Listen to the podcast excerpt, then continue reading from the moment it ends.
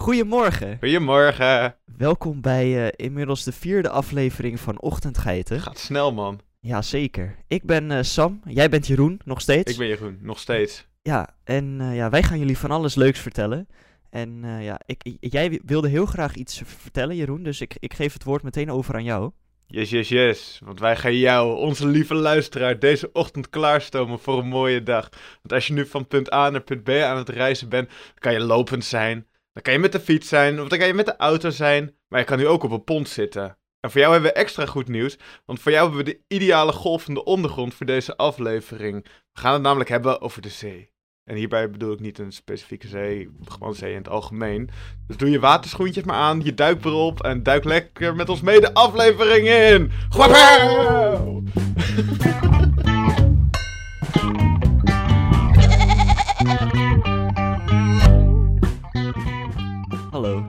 Hallo. Ja, nou, vorige week hadden we dus eh, afgesproken om wel over de zee te gaan hebben. Ja, Leuk! En, ja, ja dat, dat, dat vond ik eigenlijk wel een goed idee. Jij had het eerst over de diepzee, maar toen dacht ik van nee, we gaan gewoon zeeën in zijn algemeen bespreken. Want Ja. dat, is, dat is gewoon leuk. we gaan van, eh, van leven op zee, van het piratenleven, naar het leven eh, onder de zee. In de zee, moet ik eigenlijk zeggen. En ehm, ja, dat, eh, daar gaan we van alles over vertellen. En ik, ik denk, ik moet eigenlijk heel eerlijk zeggen. ehm, ik heb wel een beetje een heel erg eh, spannend verhaal.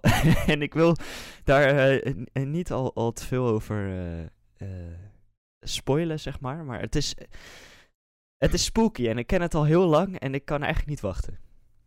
Nice. Ik ben heel erg benieuwd. Ik, ik sta ook te popelen om te horen wat het, wat het in gaat houden. Ehm, eerst ga ik een leuk verhaaltje vertellen. En dat het is eigenlijk. Het, het moest eerst meer fact-based zijn, maar het is nu eigenlijk meer. Gaat het over mijn weg naar het onderzoek. eh, over het onderzoek van, van het onderwerp. Dus Nou, ik ben, eh, ik ben benieuwd, want ik, heb eh, ik was de ochtend nadat we hadden afgesproken dat we het over zee gingen hebben, kwam er bij mij tijdens het sporten ineens een random vraag naar boven. En dat is, is de Waddenzee eigenlijk een zee? Want zo werkt Hmm. mijn brein. Ik kan wanneer, het even, wanneer ik het even stil ben en mijn gedachten gaan alle kanten op, dan komen dit soort vragen naar boven. Dus mijn allereerste gedachte was ook van, ja, natuurlijk is het een zee. Maar ergens voelde dat ook niet zo. nee. Eh, want het is best wel eigenlijk een beetje te klein om te de zee te zijn. En het kan ook droog liggen voor grotendeels. Ik vind het persoonlijk wel raar dat de zee helemaal droog zou kunnen liggen. Het is net als je een, gla eh, een glas water hebt met geen water erin, dan noem je het ook nog niet, nog niet een glas water, dan noem je het gewoon een glas. Zo voelde dat een beetje. Dus, dus Nee, als een het is- gebied... Je zei van, het is, het is misschien een gekke vraag, maar ik vind het helemaal geen, geen gekke vraag. Ik vind het juist een hele goede vraag, want is het een zee? Ja, dat is dus, dat, dat wilde ik eigenlijk jou gaan vragen. Wat, wat denk jij, na Ik- wat ik zojuist gezegd heb? Nou, ik, heb, ik denk niet dat het een zee is, maar ik zou je Mhm. ook totaal niet kunnen vertellen wat het dan wel is. Een hoopje eh, eh, eh, eilanden met heel ondiep water. en voor, voor de rest zou ik niet, niet de, de term daarvoor weten. Nee, het is, ik ben er dus een beetje in gaan duiken. En eigenlijk, je kan de vraag gewoon googlen en dan krijg je een, eh, dan krijg je een soort van antwoord. Maar ik vond dat het antwoord een beetje vaag, dus daar ben ik ook onderzoek naar gaan doen. Het antwoord wat het internet gaf is, eh, is ja, een beetje verdeeld. het is eigenlijk een beetje ja en nee ben ik erachter gekomen. Want eh, de Waddenzee is eigenlijk gewoon een, een onderdeel van de Noordzee. En Wikipedia zegt zelf dat het een binnenzee is. Dat is, eh, de, dat is een zee die met een zeestraat verbonden is aan andere zeeën of oceanen. Maar ik vind dat persoonlijk een beetje onzin. ik ga tegen Wikipedia in. Oh. Want de Waddenzee loopt namelijk eh, tot in Denemarken. En ik heb een beetje geteld hoeveel zeestraten er zijn. En er zijn er ongeveer 30. Dus iets dat vastzit, een eh, zee wat vastzit aan, eh, met zeestraten aan een andere zee, vind ik een beetje onzin wanneer je op een gegeven moment over 30 zeestraten aan het praten bent. Eh, dan praat je niet meer over zeestraten, maar dan wordt het een hele zeewijk. dus, Ja, dammit. ja. en dat, ja, dus ik, ik vond dat Dus het is, het is een. Het is een onderdeel van de Noordzee. Wikipedia zegt dat het een binnenzee is. Dus ik was, ik was ook een beetje geïrriteerd met het antwoord wat, wat Wikipedia mij gaf. Dus ik ging kijken naar hoe onze lieve Oosterburen het noemen. En die waren gewoon chill. En die zeiden gewoon: het is een getijdengebied dat onderdeel, onderdeel is van de Noordzee. Dus het is gewoon onderdeel van de Noordzee. Maar het is een, het is een gebiedje ervan. Ja, Ehm. net als dat het strand een, een onderdeel ervan is, maar het niet de zee zelf is. Nee, precies, inderdaad. Eh, dus de Waddenzee is, eh, is geen zee. Sorry, de Waddenzee is zelf geen zee, maar Nederland vindt het wel een zee, een binnenzee. Leuk. Eh, dus Nederlanders bouwen niet, bouwen niet alleen extra land, maar ook extra zee, want zo zijn we. Ehm, wat, wat ik daarbij ook tegenkwam, en dat is echt. Dat, dat is heel mooi. dat is dat wanneer je op de Duitse Wikipedia-pagina zit van de Waddenzee, of gewoon van eigenlijk elk onderwerp, en je vertaalt de pagina naar, eh, naar het Nederlands, dan. Je hebt tegenwoordig dat, eh, dat Fries ook een taal is op Wikipedia. Ja, En in het Duits staat er namelijk gewoon dat je Friesk kan kiezen. Maar als je dat dus vertaalt naar het Nederlands, staat er frituur tussen alle talen die je kan kiezen. dus, dus dat vond ik. eh, dus eh, ja, dat vond ik ook wel mooi om, eh, om te zien hoe dat, hoe dat in elkaar zit daar met het welke vertalen taal daarvan. spreek jij? Ik spreek frituur. Precies. Precies, lekkere snackies. Ik denk En dat ik heb- sommige mensen daar op, op, oprecht wel gewoon vinden dat ze frituur spreken. Ja, maar dat doen ze ook. Zo zijn ze. Ja. Zo zijn ze. Eh, en ik wou je nog een vraagje stellen. Frituur, niet zo zei ze. Nee, frituur. Zo zei ze frituur. Eh, Sam, wat is het verschil tussen een meer en een zee? ik heb Sam kapot gemaakt. Ehm, een meer is zoetwater en de zee is zoutwater. ja, dat is maar- inderdaad. de ui- ja, dat is het. dat is inderdaad de uitleg. Een En, meer is binnenlands en een zee is, is nou ja. Buitenland. Ja, nou ja, dat is niet Dat- helemaal wat ik bedoel, maar je snapt wat ik bedoel. dat, dat is ook niet helemaal waar, want je hebt... een- Ja, het is wel gedeeltelijk waar natuurlijk, maar eh, bijvoorbeeld het... eh, hoe heet dat? Zuiderzee. Dat eh, is nu de, het IJsselmeer en Markermeer. En dat is wel redelijk binnenlands, was de Zuiderzee. Maar toen, het, eh, toen de afsluitdijker kwam, toen werd het eigenlijk het eh, IJsselmeer en het Markermeer. En dat is gewoon omdat er weinig zout in zat. Ja. En dat, dus het is niet zo in het binnenlands, buitenlands. Het is meer zout of niet. Dus wat je eerst zei, is beter. En dat maakte ook Flevoland. Yay! Nice. Urk! Heb je hier nou eh, eh, meer over te vertellen? Want wij zijn eigenlijk maar gewoon mensen die doen alsof we er wat vanaf weten. Er zijn vast wel mensen die luisteren die dit daadwerkelijk gewoon weten. En eh, ervoor hebben gestudeerd of wat dan ook. Ehm, tegen de tijd dat deze eh, episode live gaat, eh, is er ook een post op ons Instagram.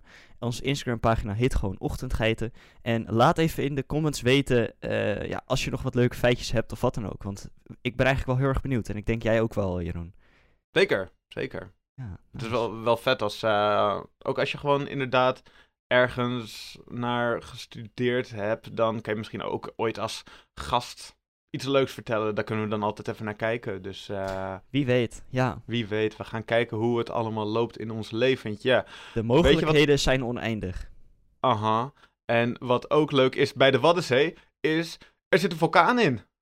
Wat? Ja, de Waddenzee heeft een vulkaan. De Oké. Zuidwalvulkaan. Deze, deze vulkaan die is al voor 150 miljoen jaar eh, dood. Maar er zit een vulkaan in de Zuiderzee. Ik was eh, door Google... eh, oh, de Zuiderzee, sorry. Ik bedoel de Waddenzee. Ik was door Google Maps aan het, aan het scrollen om eilanden te tellen en zo. En om zeestraten te tellen. En toen kwam ik ineens een, een puntje tegen waar stond Zuidwalvulkaan. Dus dat is awesome. En dat is trouwens niet de enige vul- vulkaan in Nederlands grond, eh, grondgebied. Je hebt ook in de Noordzee, in Nederlands watergebied, heb je ook nog een vulkaan zitten. Dus wel Nice. gewoon meerdere vulkanen hier. Dat is de Mulciber of zo. En ehm, die is ook voor eh, dezelfde lengte, ongeveer 150 miljoen jaar eh, is die dood. Maar het is, Ja. wel, het is wel leuk dat we vulkanen hebben in ons kikkerlandje. Niet meer actief sinds de late Jura. Ehm, ja. Ze zit, eh, hij zit twee kilometer, iets meer dan twee kilometer onder het oppervlak trouwens, de Zuidwalvulkaan zie ik. Eh, het aardoppervlak. En eh, Mhm. ja, onder de Waddenzee tussen Harlingen en Vlieland. Ja, Wauw. vet hè? Ja, bijzonder. Nou, dat was, eh, dat was mijn gebrabbel over de, De over de Waddenzee. Ja, echt wel weer wat geleerd vandaag. Precies. Ehm, Vulkanen, wel- ook wel veel meer dan ik had verwacht. Ik dacht, oh joh, de Waddenzee, daar weet ik wel wat van. Maar nee, helemaal niet zelfs. We hebben fucking vulkanen. Gophel. Ja, nou nice. En het is niet eens officieel een zee. Zullen we het Nee. gewoon het Wadden eh, eh, eh, Zeestraat gaan noemen? Een waddengebied. Oh nee, Ah, want het, dat- het is ook geen zeestraat volgens jou, hè? Het is geen, het is geen zeestraat. Nee. Het is ook... Het, het, het verbaasde me dat de Waddenzee zo ver doorging tot in, tot in Denemarken helemaal. Ja, ja, je vergeet soms dat dat soort dingen gewoon onafhankelijk zijn van landgrenzen. En dat dat Wij denken aan tv-tas, maar Ja, het precies. Is, het is veel meer. Ik, ik ging eh, ook proberen het, eh, de afkorting te maken voor allemaal. Eh, dus dat de tv-tas doorliep, zeg maar. Niet te doen. Nee, dat zijn er Nee, veel te veel. Dat, dat zijn veel te veel dingen. Dan krijg je TT, eh, TV, eh, tv-tas, ja, niet meer. En dat, ja, dat, Dan krijg je gewoon een volledig boek, eh, zeg maar. Ja, je krijgt gewoon... Nou, je krijgt meer random letters achter elkaar. Ja, oké. Ja. Ah, ja. ja. ja, Er is een poging gedaan in ieder geval. Dat is ook wel wat Ja. waard. precies, precies. Nice. hey, ik denk dat wij ons even gaan verplaatsen eh, van de Waddenzee naar iets verder op zee. Ehm, specifiek, eh, ja, echt naar een, een, een vrij oud schip, die, waarvan je de naam misschien al wel kent. Ehm, want het is vrij bekend en het is drie jaar geleden ongeveer een stuk bekender geworden. En ik ga uitleggen waarom. Ehm, in het nou ja, begin 20e eeuw waren er best wel veel manieren om, om beroemd te worden. Je kreeg steeds meer eh, manieren om bekend te worden. Eh, Grote eh, zeevaart was er ook met heel veel handel en weet ik veel wat allemaal. Maar eh, ja, er was in ieder geval één eh, ding wat zeker was. Uh, je kon echt heel erg beroemd worden door, om, door op een hele mysterieuze manier op zee dood te gaan. En dat gebeurde heel veel. Ehm, ontzettend veel schepen verdwenen gewoon. En ehm, ja, daar is dus ook één schip dat heet de SS Ourang Medan. En ja, Nooit De van ho- gehoord. de hond die daar ook aan boord zat. Die zijn ehm, beroemd geworden. En omdat ze, vooral omdat ze gevonden zijn, volgens de verhalen, met eh, ja, wijde open ogen en echt een, een blik van schrik op hun gezicht. Allemaal dood. En niemand weet echt wat er gebeurd is eh, met dit, eh, met dit, Dit heb schip. ik wel ooit gehoord. Ja, dat is al best. Dat maakt niet uit. Ehm, want het is best wel bekend. Niemand weet wat er echt gebeurd is met het schip. Want ja, er, hij is echt letterlijk opgeblazen vlak nadat hij is gevonden. Ehm, Oh. Toen ze aan boord kwamen, eh, toen zagen ze nadat ze de bemanning hadden gevonden, eh, best wel wat rook uit, onder het dek vandaan komen. En toen zijn ze allemaal snel weer terug van de boot afgegaan, op de reddingsboten weggevaren. En toen is de boot ontploft, is gezonken. En eh, ja, die is nog steeds niet eh, teruggevonden, als het goed is. Maar Ehm, wat mag ik dus... Ja, ja, vertel. Wa- eh, waardoor is die ontploft? Of loop ik een beetje op de, voor de, op de feiten Ga ik, zo, ga, ik- ga ik zo op terugkomen. Ehm, er is dus in 2019 een spel uitgekomen, Man of Medan. En Orang Medan, als je dat vertaalt vanuit het oud-Indonesisch naar het, eh, het Engels, dan krijg je ook Man of Medan. Eh, dus het is letterlijk naar het schip vernoemd. En het, ja, het, het is eigenlijk een soort mysterieverhaal eh over dit schip, maar dan heel erg ja, overdreven en anders gemaakt en wat leuke dingen eraan toegevoegd om het interessant te maken als game. Maar goed, Ja, die game heeft er wel voor gezorgd dat de- er weer steeds meer mensen geïnteresseerd zijn geraakt in dit, eh, dit verhaal. Maar eigenlijk van origine, ehm, ja, het, het is heel raar. De, de meest populaire versies in ieder geval van het verhaal, die beginnen in 1947 of 1948. eh, wanneer dus een, een, een Nederlands schip, de Orang Medan, ehm, een, een heel erg ja, een SOS-signaal verstuurde wat best wel vreemd was. Het werd opgevangen door een Amerikaans schip, de Silver Star. Ehm, en eh, een message zei, ik zal hem eh, vanuit het Engels proberen zo goed mogelijk te vertalen. Ehm, want de Amerikanen hebben hem opgeschreven en dat is het enige wat er nog van bekend is. Mhm. Wij drijven. Alle officiers, inclusief de kapitein, zijn dood. Ze liggen in de kaartkamer, in de tekenkamer, zeg maar. En op de brug. Eh, waarschijnlijk is iedereen dood. Ik ga ook dood. Eh, dat was de SOS, eh, het SOS-bericht. Het was niet Oh, eens meer van, oh, help ons of zo. Het was gewoon... We zijn verdoemd, punt. Ja, het is klaar. Het was meer gewoon van, oké, eh, je kan ons schip terugvinden, maar wij zijn, wij zijn al gewoon klaar. Ehm, toen Silverstar aankwam bij het schip was het eh, echt ontzettend stil. Eh, vreemd stil. Geen stoom uit de motoren, want er waren toen nog stoomschepen. Geen Mhm. gillen, geen geschreeuw, helemaal niks. Ehm, de, ja, de, de, de troepen die gingen zoeken, die vonden de lichamen. En wat ik zei, een gezicht was helemaal vertrokken eh, van schrik. Eh, monden, monden stonden open in een schreeuw en hun ogen wijd open. Zelfs de hond van het schip, die was gevonden alsof hij nog half in een blaf zat. In een grom. Ik de- Ehm. het doet me een beetje denken aan die beelden van Pompeii. Kan je het daar Ja. een beetje mee vergelijken? Ja, absoluut. Ja, zeker. Eh, alsof ze echt door een Medusa eh, tot steen zijn eh, veranderd. Ah, Ehm, en ja, wat er gebeurd is, dat. Geen idee, dat weet niemand. Niemand heeft ook iets gezien of gehoord of wat dan ook. Dit is gewoon hoe ze zijn gevonden. Ehm, er was dus ook geen enkele tijd om het te onderzoeken. Want wat ik zei, vlak nadat het, eh, nadat het, schip was gevonden, werd er rook gezien. En eh, daarna ontplofte het. Ze waren olie aan het vervoeren. En eh, dat, ja, wat daar is gebeurd, dat weet niemand. Maar die olie heeft uiteindelijk voor een explosie gezorgd. En dat. eh, Bizar. maar dat was wel hele toen die anderen al van, vanuit, eh, toen die anderen al van het schip af waren. Ja. Dus er is ja, want ze zagen gebeurd. het aankomen. Ze zagen het aankomen. Ze zagen rook Ah. vanuit, het, eh, vanuit het, ja, het, het laadgedeelte komen. En daar, eh, daardoor kwam de explosie. Het lijkt bijna een beetje alsof het schip zijn eigen sporen uit wilde wissen. Ja, inderdaad. En dat, dat is ook zo vreemd hieraan. Maar wat zoals met allemaal van dit soort verhalen zijn er heel veel verschillende versies. En Ja. heel veel verschillende eh, ja, verhalen die het alleen maar eh, groter en bijzonderder maken. En Ja, weet ik veel wat. Ehm, de allereerste keer dat dit verhaal terug te vinden is in archieven komt uit 1940. Dus dat is dus een paar jaar voor het verhaal wat ik net vertelde. Ehm, toen was het niet een Amerikaans schip, maar een Engels schip. Wat eh, nou ja, tijdens de Tweede Wereldoorlog ehm, het een, een, een nieuwsartikel eh, uitbracht. En daarin werd dus inderdaad ditzelfde bericht eh, weergegeven. Het schip wilde hulp. maar ze riepen wel om hulp en om een medic, dus om een, echt om een dokter. en een oorlogsschip. Eh, maar het, het, het Britse schip was een handelsschip en geen oorlogsschip. En die kwamen naar hen toe en vonden eh, de, de crew zonder de hond. Ehm, en het enige wat echt overeenkomt is dat het schip inderdaad ontplofte.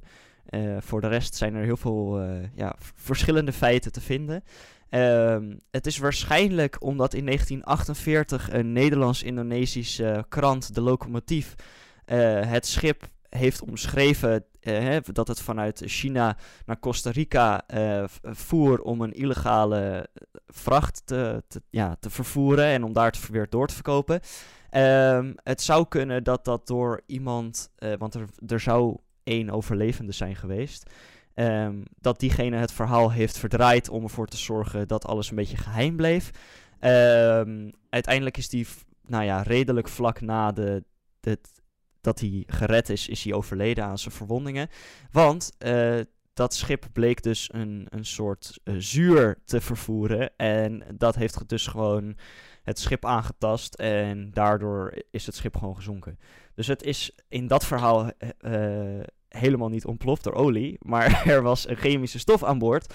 Die door de motor Oh. heen heeft gefroten. Nou, Ehm, het, het kan misschien zijn dat door, eh, doordat het door het schip heen gefroten werd, dat het bij de machinekamer kwam en bij de olie in de buurt, eh, buurt. En dat dat voor een bepaalde reactie heeft gezorgd dat het schip misschien ook ontploft is. Ja, ja, dat is inderdaad ook de derde theorie. Ehm, de gassen van, het, van de stof die hebben langzaam, zonder dat de, eh, de scheepslieden het wisten, hun zichzelf gewoon ge- gedood, omdat het een giftige stof is, wat ze inademden. En uiteindelijk heeft, hebben die gassen er dus voor gezorgd dat het schip ontplofte. Is inderdaad ook de derde theorie. Ehm, ja, er is ontzettend, zijn ontzettend veel vragen over dit verhaal. Vandaar ook dat er nou ja, zoveel mysterie rond, rondhangt. En 80 jaar nadat het zou zijn gebeurd, nu nog steeds mensen zich afvragen van wat gebeurt er, wat is er gaande en is er nog iets terug te vinden? Wat is nou eigenlijk de reden dat het schip is verdwenen? Ehm, hoe is het gegaan? Het is bijna niet terug te vinden omdat alle eh, ja, rapporten uit die tijd elkaar dus gewoon tegenspreken. Van die volledige tien jaar, eh, alles spreekt elkaar tegen. En er is dus niet een duidelijk bewijs van dit is er gebeurd. Uiteindelijk is het dus gewoon een schip wat verdwenen is. En waarvan de crew gewoon ineens dood was. Ehm, dat is wel bekend. Maar goed, eh, het is altijd interessant om altijd van het ergste uit te gaan. Ja. En dat het ze ineens gevonden zijn met een verschrikkelijke geschrokken blik. eh, ja, en, en dat dat het enige is wat er nog over is. Dat je op de zeebodem nu nog steeds die geschrokken blikken hebt liggen. Ja. En Maar dat, voor altijd een mysterie Ja. zal blijven. Ja, ja, ja. ik, ik, ik ben altijd zo. Ik, ik weet hoe mensen en verhalen dingen kunnen eh, verdraaien om het wat Ja. spannender te maken. En wat Het is een volkslegende, dit verhaal. Het is inderdaad een volkslegende, want je, je weet het inderdaad gewoon niet. Het is niet alsof we ineens een black box hebben met eh, dat omschrijven wat er allemaal is gebeurd en zo. Nou, er zijn dus misschien- eh, meerdere nieuwsartikelen, dus echt uit, uit eind jaren 50, maar ook begin daarvan. Mhm. Met hè, van zo is het gegaan, zo is het gegaan. Ja, Maar er zijn uiteindelijk niet eens eh, bevestigde papieren dat het schip ooit überhaupt heeft bestaan. oké. Dus, dus het, het kan ook allemaal gewoon een. Het, het- ja, dan is het echt een legende. We weten niet of het gebeurd is, of het heeft Nee. plaatsgevonden, of het schip bestaan heeft, of er iemand uitkwam die het echt overleefd heeft, of dat het allemaal gewoon verzonnen is. Maar het is wel een Ja. vet verhaal. nie- niemand weet het echt. Eh, tenminste, in, op, deze, op de dag van vandaag weet niemand het echt. Misschien hebben mensen het ooit echt geweten, maar... eh, waar, waar zou het ja. schip ook alweer eh, gezonken zijn? Moet ik even de exacte locatie... Nou ja, exact is niet, niet terug te vinden, maar... ehm, moet ik even kijken waar het precies was. want- Misschien bij de Bermuda-driehoek. En dat dat het schip is wat andere schepen kapot maakt wanneer ze door de Bermuda-driehoek gaan. Oeh. Het was eh, niet de Bermuda-driehoek. dat dacht ik inderdaad in het begin ook. Ik ken dit verhaal al een tijdje. Ehm, maar het was... eh, het, nou, het is niet terug te vinden waar het schip is gevonden. Maar het is wel terug te vinden waar het Amerikaanse schip... die hem in 1947-48 zou hebben geholpen... of Mhm. een poging zou hebben gedaan... die lag tussen, ehm, ja, tussen Malacca en... eh, ehm, nou ja, in, in de, de strait daar. Dus tussen Maleisië en Singapore in. Ehm, dus ja, rond In de Indonesië. buurt bij, eh, bij Indië, zeg maar. Ja. Indonesië. Ja. Oké. Spannend. Ja, het is eh, erg bijzonder. En eh, heb je nou een, een, een bijzondere theorie? Eh, laat het even Laat weten. weten. En Ja. denk hier ook nog even over na, Jeroen, want het is wel echt een, een heel gaar verhaal. En ik kan je ook nog wel wat sturen met wat meer informatie. Het is echt, het is heel, nou ja, informatie, speculatie. Want Ja, niks is echt informatie. Ehm, het, is, ja, het is een verhaal wat me nu al ongeveer een half jaar bezighoudt. En waarvan ik nog steeds geen flauw idee heb hoe het in elkaar zit. Ik vind het wel mooi dat ze van zo'n verhaal, dat ze dan ook een game inderdaad wat meer eh, opgevoerd hebben dan hoe het er waarschijnlijk echt uitgezien heeft. Ja. Maar dat ze dat er nog van gemaakt hebben of zo. Nee, de game eh, richt zich meer op, eh, op, op de verhalen van H.P. Lovecraft, wat echt kosmische horror is. Ehm, Dus dat heeft wel echt andere, een, een hele andere kijker op. Maar Ja, dat denk ik dan ook. het, het linkt wel met de blik van, blik van schrik. En daar kan ik nog een heel eh, verhaal over vertellen hoe dat in elkaar zit, maar dan zitten we hier nog een uur. Ehm, uiteindelijk denk ik dat het leuk is om dat zelf eh, op te zoeken als je er meer over wilt weten. Want er is genoeg Yes. over te vinden. Nice. Ja. Leuk man. Spooky Ehm, verhaal. Was dat, jou, was dat jouw spooky, spooky verhaal? Dat was mijn spookverhaal, ja zeker. Oké, dan, dan moet ik even bijkomen, want het was wel, was Snap wel heftig. Ik ben, Ja. ik ben ook angstig. Dus eh, we moeten het even wat luchtiger gaan houden. Dus we gaan even door naar ons vaste segmentje, ontbijten met geiten. Ja, ik, ik heb, krijg er helemaal weer trek van. Ik eh, ben al helemaal benieuwd wat je, wat je hebt gebreid, gebreid eh, deze keer. Ja, nou eerst gaan we even terug naar de vorige keer. Want de vorige keer heb jij mij de lekkere pannenkoeken gegeven als, eh, als huiswerk. Ja, En ik heb een aantal dagen geleden heb ik heerlijke pannenkoeken zitten maken. En ik heb het, eh, ik heb het inderdaad met de kaneel en appel heb ik gemaakt. oeh. En die was zo lekker. Ik Ja, had er hè? toen, eh, ik had ze lekker, ik had een, een bedje met kaneel gemaakt. En had ik de appels had ik er zo lekker ingedoopt. En dan had ik de rest van de kaneel had ik er een beetje overheen eh, gestrooid. En ik heb, daarna heb ik nog een klein beetje bastardsuiker voor Ja, de extra oh, zoetigheid.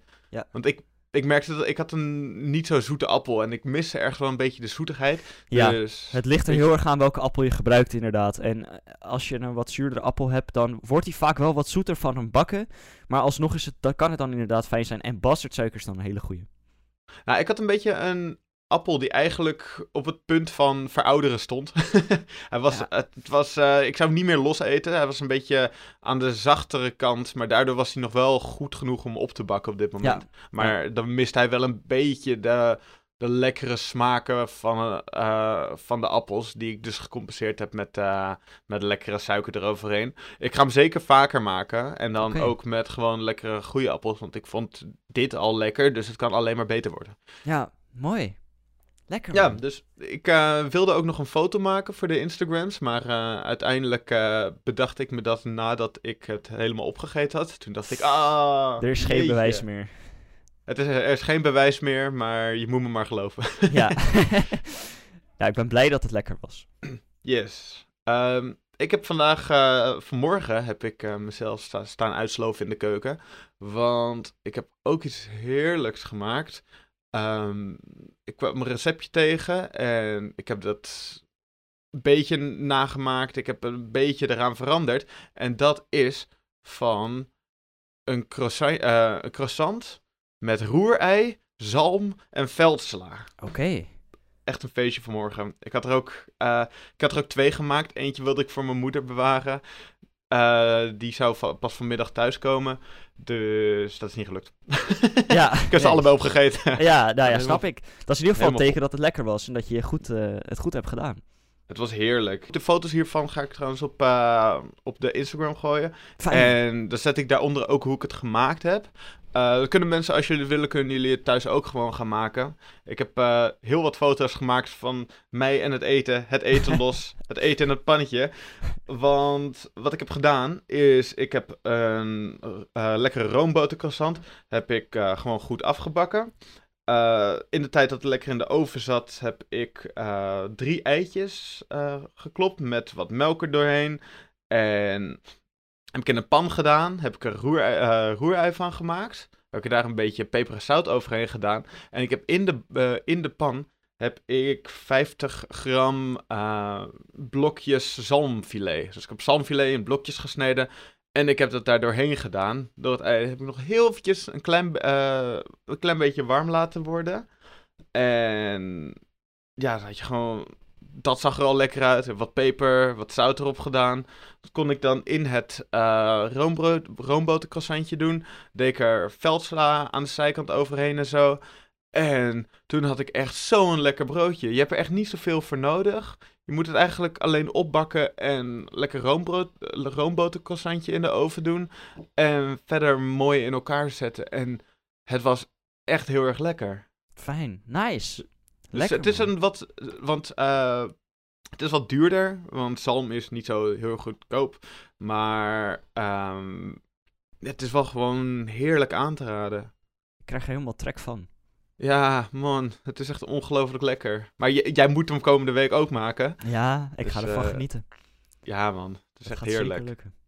Dus eh, ik stuur het receptje ook naar jou toe en natuurlijk naar al onze lieve luisteraars. Ja, Gewoon lekker vinden op ocht Ochtendgeit Instagram. En, eh, lekker maken, lekker bakken. En eh, laat ook daaronder weten hoe het was. Want dan eh, vinden we ook gewoon leuk om te horen. Ja. Een beetje interactie.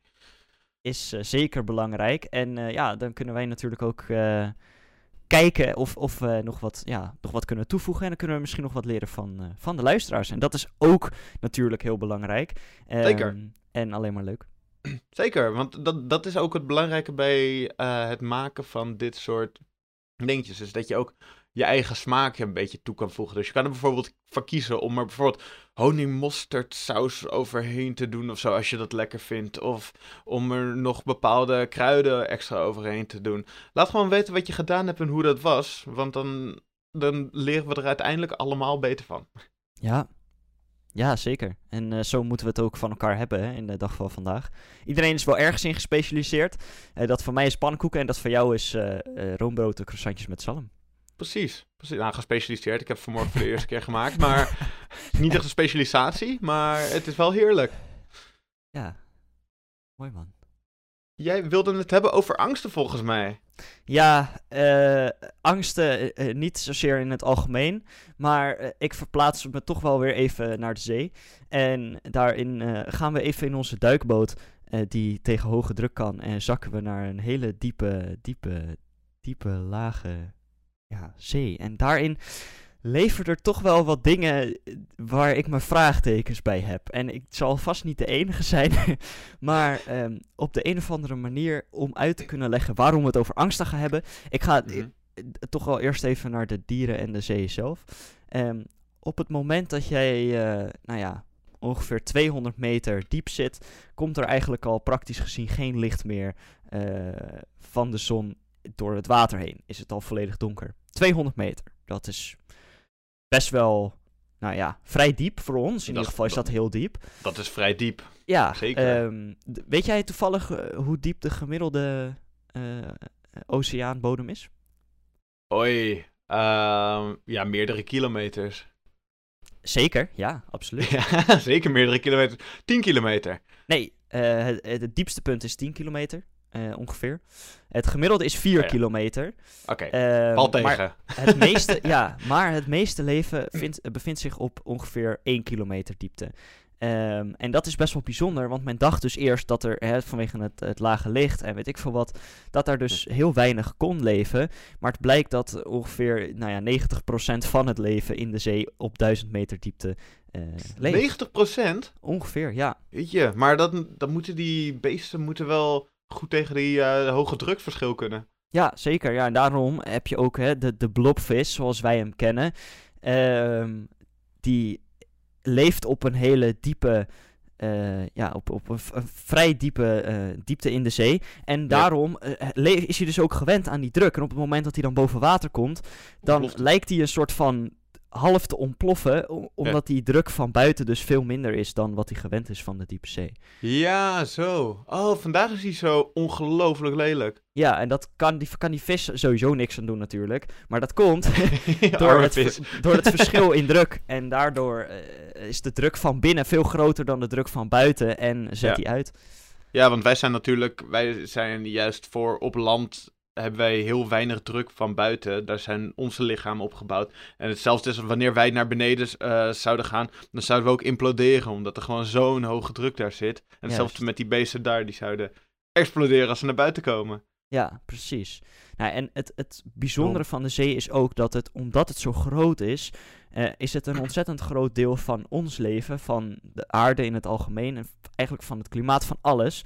Maar ehm, er leven heel veel dieren die wij nog nooit als mens hebben gezien. Dat is heel raar om te bevatten, omdat we Ja. zo met zoveel zijn en zoveel onderzoek doen en zoveel technologie hebben om dingen te onderzoeken. Maar er zijn zoveel dieren onder water, is geschat in ieder geval, die we nog niet hebben ontdekt.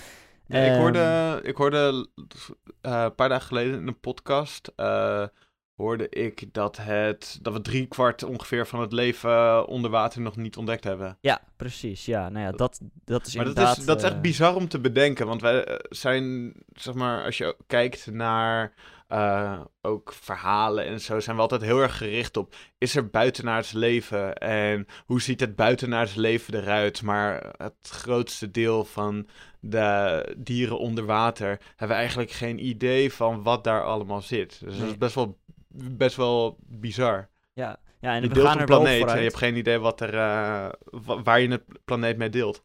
Nee, zeker niet. Nee, absoluut niet zelfs. En uh, we, we, komen wel achter steeds meer dingen. Ook omdat onze, ja, onze duikboten en apparatuur die in de diepe zee kan, steeds beter tegen druk kan. Dus dat is wel positief. We komen achter steeds meer dingen. Maar toch is er heel veel onbekend. En laten wij nou als mens een standaard ding in ons brein hebben waarvan we niet heel erg tegen kunnen als we dingen niet kennen.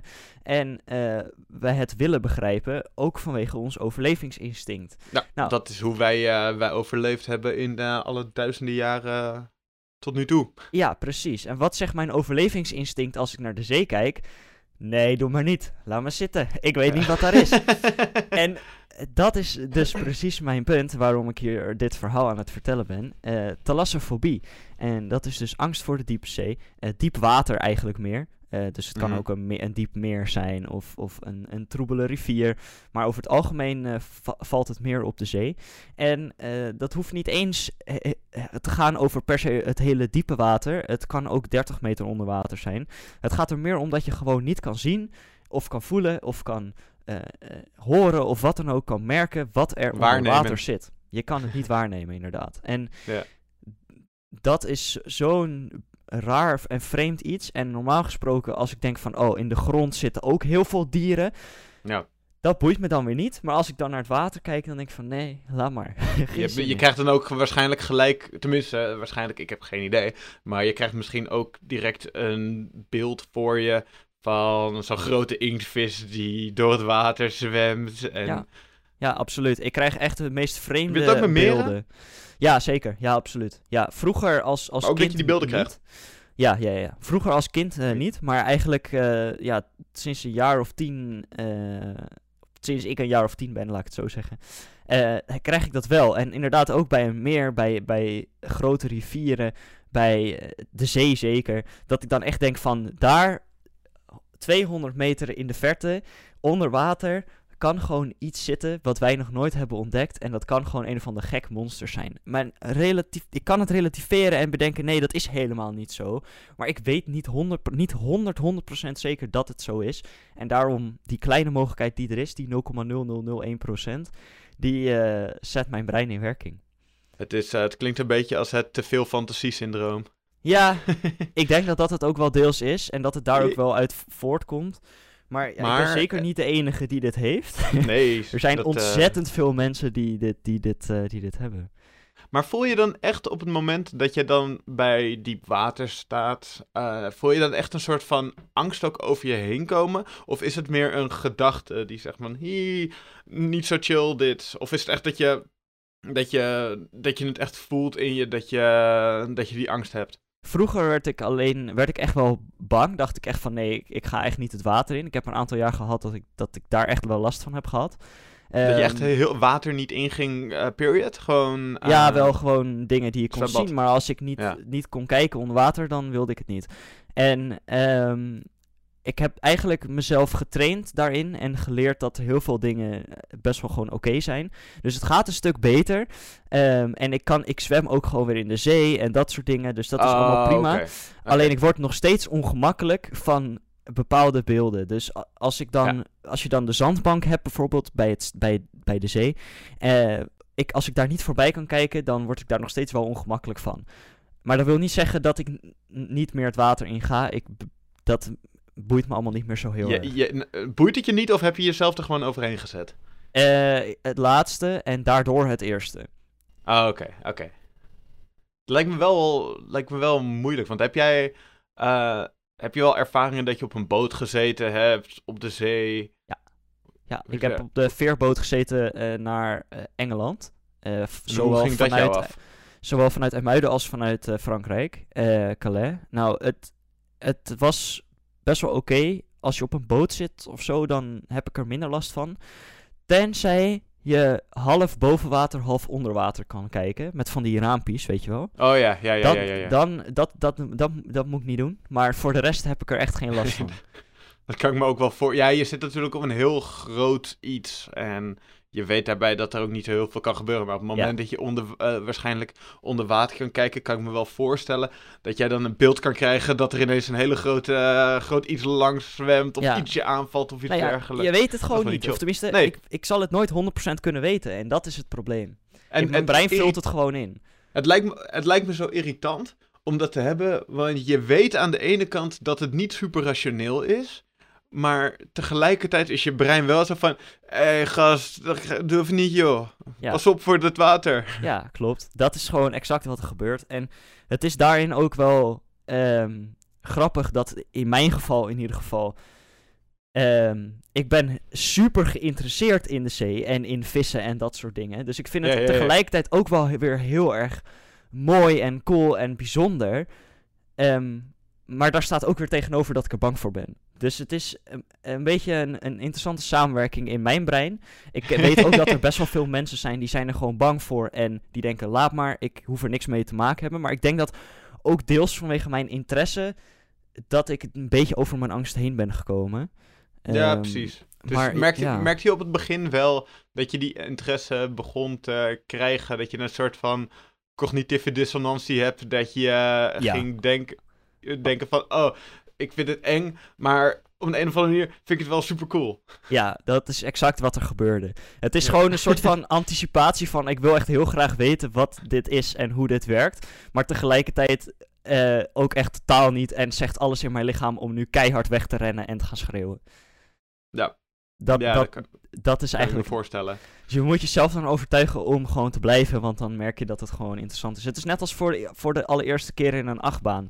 Je wil het niet, want het ziet er hartstikke eng uit... maar tegelijkertijd wil je het ook weer wel, want je bent wel geïnteresseerd. En ja, precies. als je het dan doet, dan valt het wel hartstikke mee. Nou, dat, dat, Ja. ja. dat Ja, dat had ik toen de eerste keer eh, op zijn kop ging. Dat was in de Formule X in Drievliet, volgens mij. Drievliet. Eh en dat eh, toen... Ik was nog nooit op zijn kop gegaan en ik vond het allemaal super eng en zo. En, en dat was de eerste keer dat ik ging. En ik heb de drie kwartier dat ik in de rij stond, heb ik echt zi- zitten trillen en zo. En toen, het gebeur, eh, toen ik er doorheen was, was het echt zo van... Dit is vet! Ik wil nog een Ah! keer. nog een keer! Ja. Precies. En, Nee. en de- dan kan je er wel overheen zetten. Maar het is gewoon vo- vooral het punt dat je die kant op gaat. Dat je in de lijn zit. Dat je moet wachten. Dat, ja, dat is gewoon verschrikkelijk. ja, precies. Nou ja, dat dus. En Eh. daarbij, toen je richting Engeland ging, hoe, hoe was dat dan? Was? Ehm, Vooral, vanaf, vanaf Muiden ben ik eh, benieuwd naar. En dan niet zozeer in je angsten. Want Nou- ik, ik ben namelijk vanuit Frankrijk ben ik naar Engeland gegaan. Maar Ja. dat was twee uur. En Ja. dat, dat is niks. Maar hoe is het vanuit Muiden? Want misschien wil ik dat Eh, van, vanuit. IJmuiden hier, hier in de buurt heb je... Nee, eh, IJmuiden. Was dan- niet kan je, nee, kan je gewoon inderdaad ook met veerboot. Het is in essentie hetzelfde, alleen met overnachting, omdat je er gewoon langer over doet. Ja. Ehm, dus ja, het, op zich is het niet heel anders als de e- eerste veerboot. Alleen vanuit Frankrijk doe je niet echt iets. Je loopt gewoon een rondje over de boot en je kijkt over de rand heen naar de zee. En je hebt een interessant gesprek en je gaat weer naar je auto en je bent weer aan wal. Ja, het is ehm, twee uur is die, eh, is die bootrit. Ja, Precies het is gewoon een lange treinreis in principe. Ja. Ehm, maar eh, als je echt met overnachting gaat, is het wel een, een andere ervaring, heb ik gemerkt. Het is wel heel leuk. Ehm, er staat wel vaak heel veel wind in het Mhm. kanaal.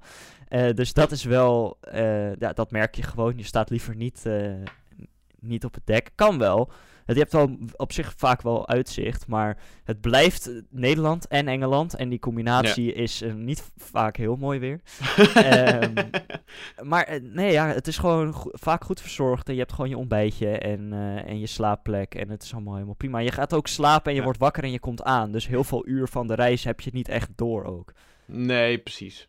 Dat is een beetje hetzelfde soort reis. Ik had dat van, van Denemarken naar Noorwegen. Dan gingen we inderdaad ook met de auto gingen we dan in de eh, in zo'n hele grote boot. En daar hadden we gewoon hadden we een kajuitje in zitten. Eh, dan gingen we, konden we overdag konden we een beetje rondlopen. Eh, we gingen pas in de eind van de middag, begin van de avond gingen we daar weg. Dus gingen we daar even wat eten binnen. En dan ga je eigenlijk redelijk ja, loop je een beetje daar rond, ga je daarna gewoon slapen. Het was wel grappig. We hadden namelijk een kajuit.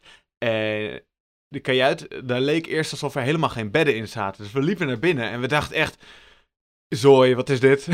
Op de grond Dus- slapen. Ja, moet, moeten we nou echt op de grond gaan slapen hier? En dat gaat helemaal niet passen, want het was echt gewoon een klein kajuitje. Maar je kon die bedden, kon je van, vanuit de muur kon je die zeg maar naar beneden trekken. Ja, Dus die zaten, eh, die zaten in de muur. En op die manier was het alle, was heel krap en zo, maar dat konden we gewoon allemaal goed overleven. ja. Maar dat was wel een leuke ervaring. Ja, dat is best wel. Ik, ik, ik, dat is best inderdaad. Is een kleine kajuit, maar eh, ja, zoiets wat jij zegt dan, de bedden uitklappen, dat is gewoon ruimte-efficiënt natuurlijk. En Zeker. je hebt vaak ook allemaal winkeltjes en, en, eh, Ja. en Precies. spelhallen en zo, dus van alles te doen. Er was vermaakt je eh, echt zo'n cafeetje met een, eh, met een jazzbandje erin. Dat vond ik wel leuk. Ja. gewoon een beetje chillen, gewoon een beetje goed beginnen aan je vakantie. Nou, een Dat ik- veerboot mag je mij echt wel op stoppen, weet je, daar ga ik wel op zitten. Maar Ja. iets van een zeilboot of zo, nee, laat maar. Hoeft niet. Niet op zee in ieder geval. Nee, dat kan ik me wel voorstellen. ja, ik heb wel een keertje. ehm, ik heb dus wel op een zeilboot, op een clipper, dat is een soort zeilboot. Heb ik. eh, ging dan met eh, vriend, vriendinnen van mijn moeder. En daar dan de, ook met de kinderen. Ik, ik was een jaartje of acht, negen, zeven, ergens omtrent die tijd. Ehm, gingen we met de boot gingen we over het IJsselmeer. En gingen we ook over de Waddenzee. Komt hij weer terug. En- Cirkeltje rond. een cirkeltje rond. Was gewoon een, we- waren een week waren we aan het varen erop. En dat was wel, was wel leuk. En je, je, je wordt op een gegeven moment... Je, bent natuurlijk ook al... Zit je in de boot in de nacht, ga je lekker slapen. Ben je alsnog aan het schudden.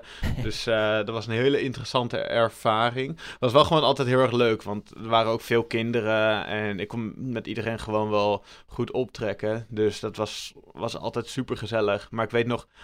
één dag hadden we, hadden we storm.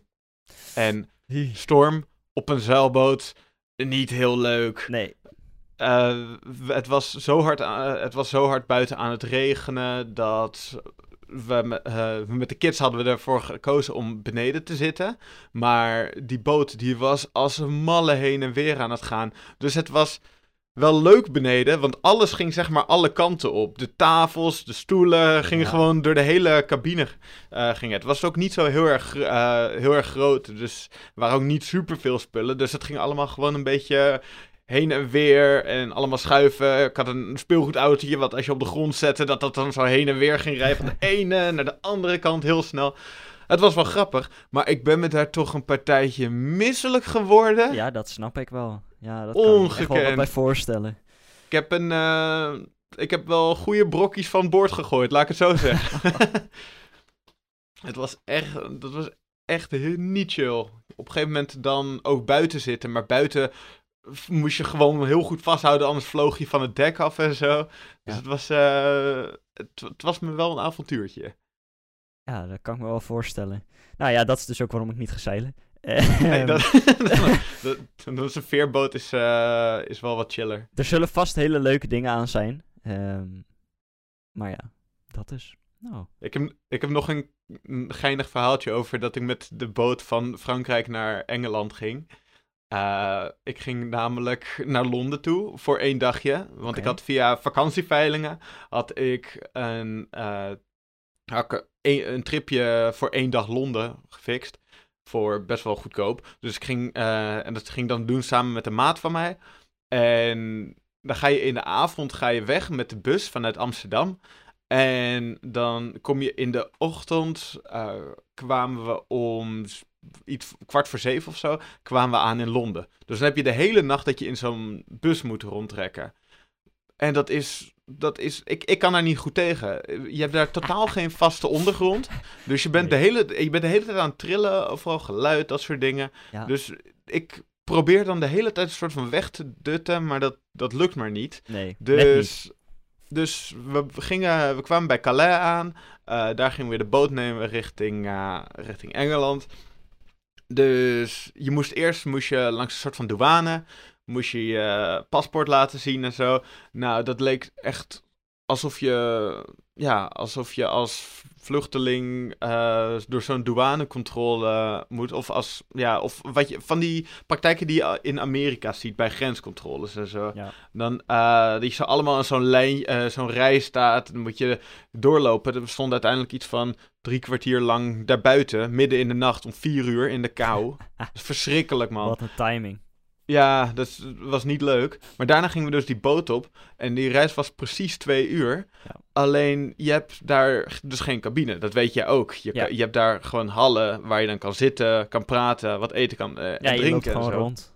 Je loopt gewoon rond. Maar ik was kapot van die reis. Ik moest even slapen. Net zoals volgens mij iedereen die in die, eh, die, in die bus zat. Dus wij, eh, s- nou, dus ik twee stoelen, stoelen pakken. Je, loopt, je rent dan door die, door die boot heen om zo snel mogelijk twee stoelen te fixen. Twee bankstoelen waren het. Je, je zet je dan zo tegen elkaar aan, zodat je, eh, zodat je daarop kan liggen. En toen, eh, daar heb ik dus eventjes twee uur geslapen. Ehm, Dat is best wel prima. Dat je gewoon de volle twee uur hebt gepakt. Ja, ik ging, ik ging liggen, ik was weg en ik, eh, ik had mijn wekker gezet daarna en ik werd, eh, ik werd gewoon lekker van mijn wekker wakker. En dat, dat, was, eh, dat was op zich wel heel solid dat ik dat had gedaan. Toen hebben we een hele dag Londen gehad, vet leuk. En daarna gaan we weer naar huis. Maar je bent kapot. Want Ja. had al één ruknacht gehad. En dan ga je de tweede ruknacht ook tegemoet. Waarbij je weer, waarbij we rond 1 uur, voor tussen 12 en 1, s'nachts op de boot stapten. Eh, wat daar heel vaag aan was, was ik deed weer hetzelfde. Ik had twee banken naar elkaar toegeschoven. En die twee banken, die. eh, ik ging daarop liggen. En ik dacht. Ik voelde nog niet echt dat ik, eh, dat ik had geslapen, maar ik moest wel naar het toilet toe. Dus ik, eh, dus ik opstaan, ik heb mijn tas naar het toilet lopen. En op gegeven en ik zie dat we dat er weer een zijkant is, dat er, dat er wal is. Ja. Eh, dus ik dacht van, oh shit, we zijn nog niet eens weggegaan. Ah, dit wordt zo'n irritante tocht. Eh, krijg ik over de speakers te horen dat we zijn aangekomen. dus ik heb zonder dat ik weet, had ik die twee uur geslapen. En ik was zo, zo confused. Ik keek echt om me Waar heen. ben Het was ik? Wie ben ik? Welk jaar is het? ja, nee, maar dat dus. Het was echt van, hè? Maar ik heb nog niet geslapen en we zijn er nu al. Wat? Maar het was ook vet toevallig dat ik dan wakker werd, want ik had mijn wekker nog niet eens gezet. En dat mijn biologische klok dacht, oh, we zijn bij Frankrijk. Eh Franse mensen zeiken altijd, dus ik moet nu ook zeiken. Ja, het zou wel misschien wel een, een, eh, een, ding, een, een natuurlijke reactie van je lichaam kunnen zijn van dat je de beweging van de, t- van de veerboot niet meer voelde en daardoor gewoon wakker werd. Dat zou kunnen. Ik weet het echt niet. Het was, het was heel vaag. Verandering Maar- in ritme maakt je wel wakker. Ja, ja, dat is waar inderdaad. En nou, dat was wel leuk. Dat, eh, dat was een leuke ervaring van mij op, eh, op zo'n boot. Ja, nou, nice. Heb jij nog andere leuke ervaringen op boot? Ik heb een keertje op een zeilboot gezeten. Op, eh, toch wel? Op een meer hier in de buurt. Ja, en dat is ook wel de voornaamste reden dat ik het niet meer wil. Ehm, want het, het, het was een vrij kleine boot. En het was wel echt wel met iemand met heel veel ervaring. Die ook daar les in gaf en zo. Dus ik wist al wel van tevoren dat het helemaal goed zou komen. Ja. Ehm, maar er was op een gegeven moment een moment dat die zeilboot eh, zijwaarts ging. En dat ik zeg maar, dat was blijkbaar normaal. Maar ik stond zeg maar rechtop. Ik lag in de boot eerst. En ineens stond ik rechtop. Oh my god. Dus ik keek gewoon recht in het water. En Oh! daarna het was gewoon even rustig weer een bochtje en we stonden weer recht. Dus er was in principe niks aan de hand. Maar ik was gewoon zowat de hele 90 graden gedraaid. En ja, dat eh, Dat is heftig, man. was wel ervaring. Ja, en het was in een meer. Be- best wel diep ook. Dus eh, eh, ja, In welk meer was het? het Geestermeer. Oh. Dat was, dat Bij is hier Uitgeest. bij mij in de buurt. Ja, Ja. bij Uitgeest. ja, zou je zeggen. maar vlakbij Alkmaar. Dat is misschien makkelijker voor de mensen die niet weten eh, waar Uitgeest ligt. Tussen Haarlem Ehm, en Alkmaar in. Nee, Alkmaar. Nee, Haarlem ja, is heel, heel ergens anders. Ja. Uit Geest, maar jij woont toch bij Uitgeest? Nee. Oh, oh nee, oké. oh ja, laat maar. Het ging even fout in mijn brein. Maakt niet uit. Maakt niet uit. Maar ja, daar dus. En dat, eh, dat was wel een, een flinke ervaring op een boot. Ik heb dus, nou ja, ik heb een aantal veerbootreizen naar Engeland gehad. Ik ben daar wel wat vaker geweest. Maar dat vond ik allemaal helemaal prima. Vond ik Ja. wel leuk ook. Ehm, ja, voor de rest niet echt. Ja, mijn vader had een bootje. Een klein bootje van 12 pk. Dus daar gingen we Oh wel eens eh, het meer op. En dan gingen we vissen of eh, gewoon een rondje varen. Maar vond je dat dan niet eng? Nee, want toen was ik nog te jong om te beseffen dat dat gewoon... Dat ik dat eng vond. Ah ja, ja, ja. dat is ja, pas op een latere leeftijd gekomen. Ik weet niet hoe dat, eh, hoe dat Maar eh, je is kan, gegaan. je kan soms kan je inderdaad ineens van dat soort angsten krijgen. Ik Ja. altijd het voorbeeld van, eh, van ineens angsten krijgen. Heb ik altijd bij Matthijs van Nieuwkerk. Die rijdt geen auto meer. Maar die heeft eh, wel altijd eh, auto gereden. Maar die heeft gewoon één keer gehad dat hij langs de, eh, langs de snelweg stond. En hij zag alle. Voor mij was hij bij het tankstation of zo. Hij zag alle auto's op de snelweg super, eh, super snel langs rijden. En sindsdien heeft hij nooit meer op een snelweg gereden. Ja, Want hij- sindsdien was hij daar angstig voor. En hij weet ook dat het, dat het niet volledig gegrond is, die angst. Aan de andere kant wel, want het is eigenlijk, als je erover nadenkt, ook best wel gevaarlijk. ja. Maar, maar dat, ja, dan, je kan soms ineens angsten krijgen. zeker ik heb nog- weten. Ik heb één grappig eh, dingetje waar ik eigenlijk iedereen wel zou aanraden om te doen wanneer je niet heel angstig bent voor water. Eh, dat is, ik, ik, wa- ik was een keertje in, eh, in daar probeer ik je niet mee te pesten, het spijt me. ik, wa- ik was een keertje in, in Spanje en dat was aan de Middellandse Zee. En ik was samen met een vriend van mij en een vriendin van mij, waren we op vakantie daar. En die vader van de vriendin, die had een speedbootje. En als je ergens een keer de mogelijkheid ziet om over de Middellandse Zee te gaan met een speedbootje, is dat zo erg de moeite waard. Want het is zo mooi, lekker weer, blauw water, eh, mooi langs de kust gaan, even stilzetten, lekker, eh, lekker in het water duiken en verder gaan. Het is zo'n vette ervaring. Dus als je daar in de buurt bent en je hebt de mogelijkheid, want heel veel mensen zouden natuurlijk niet de mogelijkheid hebben, en dat is best wel logisch. Ik had anders ook nooit de mogelijkheid gehad om dit te kunnen vertellen nu aan jullie. Eh, maar gewoon doen. Dat Ja. is, zoiets is echt leuk. Heb je de kans, ga op een speedboot. Ik heb het ook een keer gedaan, Ja. op het Gardameer in Italië. Oh, wat Ehm, vet. Ja, dat was echt heel leuk. Dus ik kan het je sowieso aanraden. Nice. Ja, speed, is- het gaat lekker, lekker de wind door je haartjes, door Ja. je manen en gewoon lekker sjoef over de water. Ah, ik denk eh, dat wij eh, volgende week in gaan varen. En eh, daarbij ook het einde van deze, deze aflevering in gaan varen. En onze boot even aan de kant gaan zetten. Tenzij jij Ja. nog iets, echt iets heel erg graag kwijt wilt. nee joh, ik ben uitgeluld. Dan gaan we het anker uitgooien en, en aan wal. En aan wal. En ik hoop dat jullie vandaag aan wal een heerlijk dagje hebben. Wij Absoluut. hebben vandaag aan wal gaan wij ook wel een gezellig dagje hebben. Ja, Dus dat is, dat is ook mooi. we gaan gewoon- deze show in elkaar zetten voor jullie. En eh, dat gaat helemaal goed, goed komen. Nou, precies. En eh, ja, ik, heb, ik hoop dat jullie hebben genoten. Dat jullie weer lekker eh, entertainment hebben gehad. Dat jullie lekkere nieuwe feitjes hebben geleerd. En dat jullie vandaag gewoon een heerlijk dagje gaan hebben. Ja, en ook de rest van de week natuurlijk, heel belangrijk. Ehm, ja. Check onze Instagram. Kijk de Instagram. Ja, tegen de tijd dat deze eh, episode live komt, dan eh, staat er echt nog wel wat op.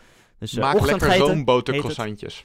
zelfde naam als de show, is prima te vinden. En ja, Het kan zijn dat, volgens mij komt de af, komen de afleveringen komen om 5 uur maandagochtend, 5 uur 's ochtends online. Ja. Het kan, wanneer je het dan kijkt, kan het zijn dat de, het recept voor de roombotercroissantjes nog niet helemaal online staat. Eh, want zo vroeg ben ik niet wakker. Ehm, Ja. Dus... eh, maar dan heb je wat eh, om naar uit te kijken. dus, ja, precies. Dus dan weet je dat. Dan komt hij sowieso maandag. Zet ik hem, eh, zet ik hem op de Instagrammies. En gaat gewoon lekker maken. Lekker genieten. Lekker Ja. smullen. Lekker man. Nou, fijne week. Succes met je studie, werk, eh, eh, wat je dan ook doet. eh, en, Groetjes ja, thuis. Groetjes thuis, inderdaad. Doeg! Doei!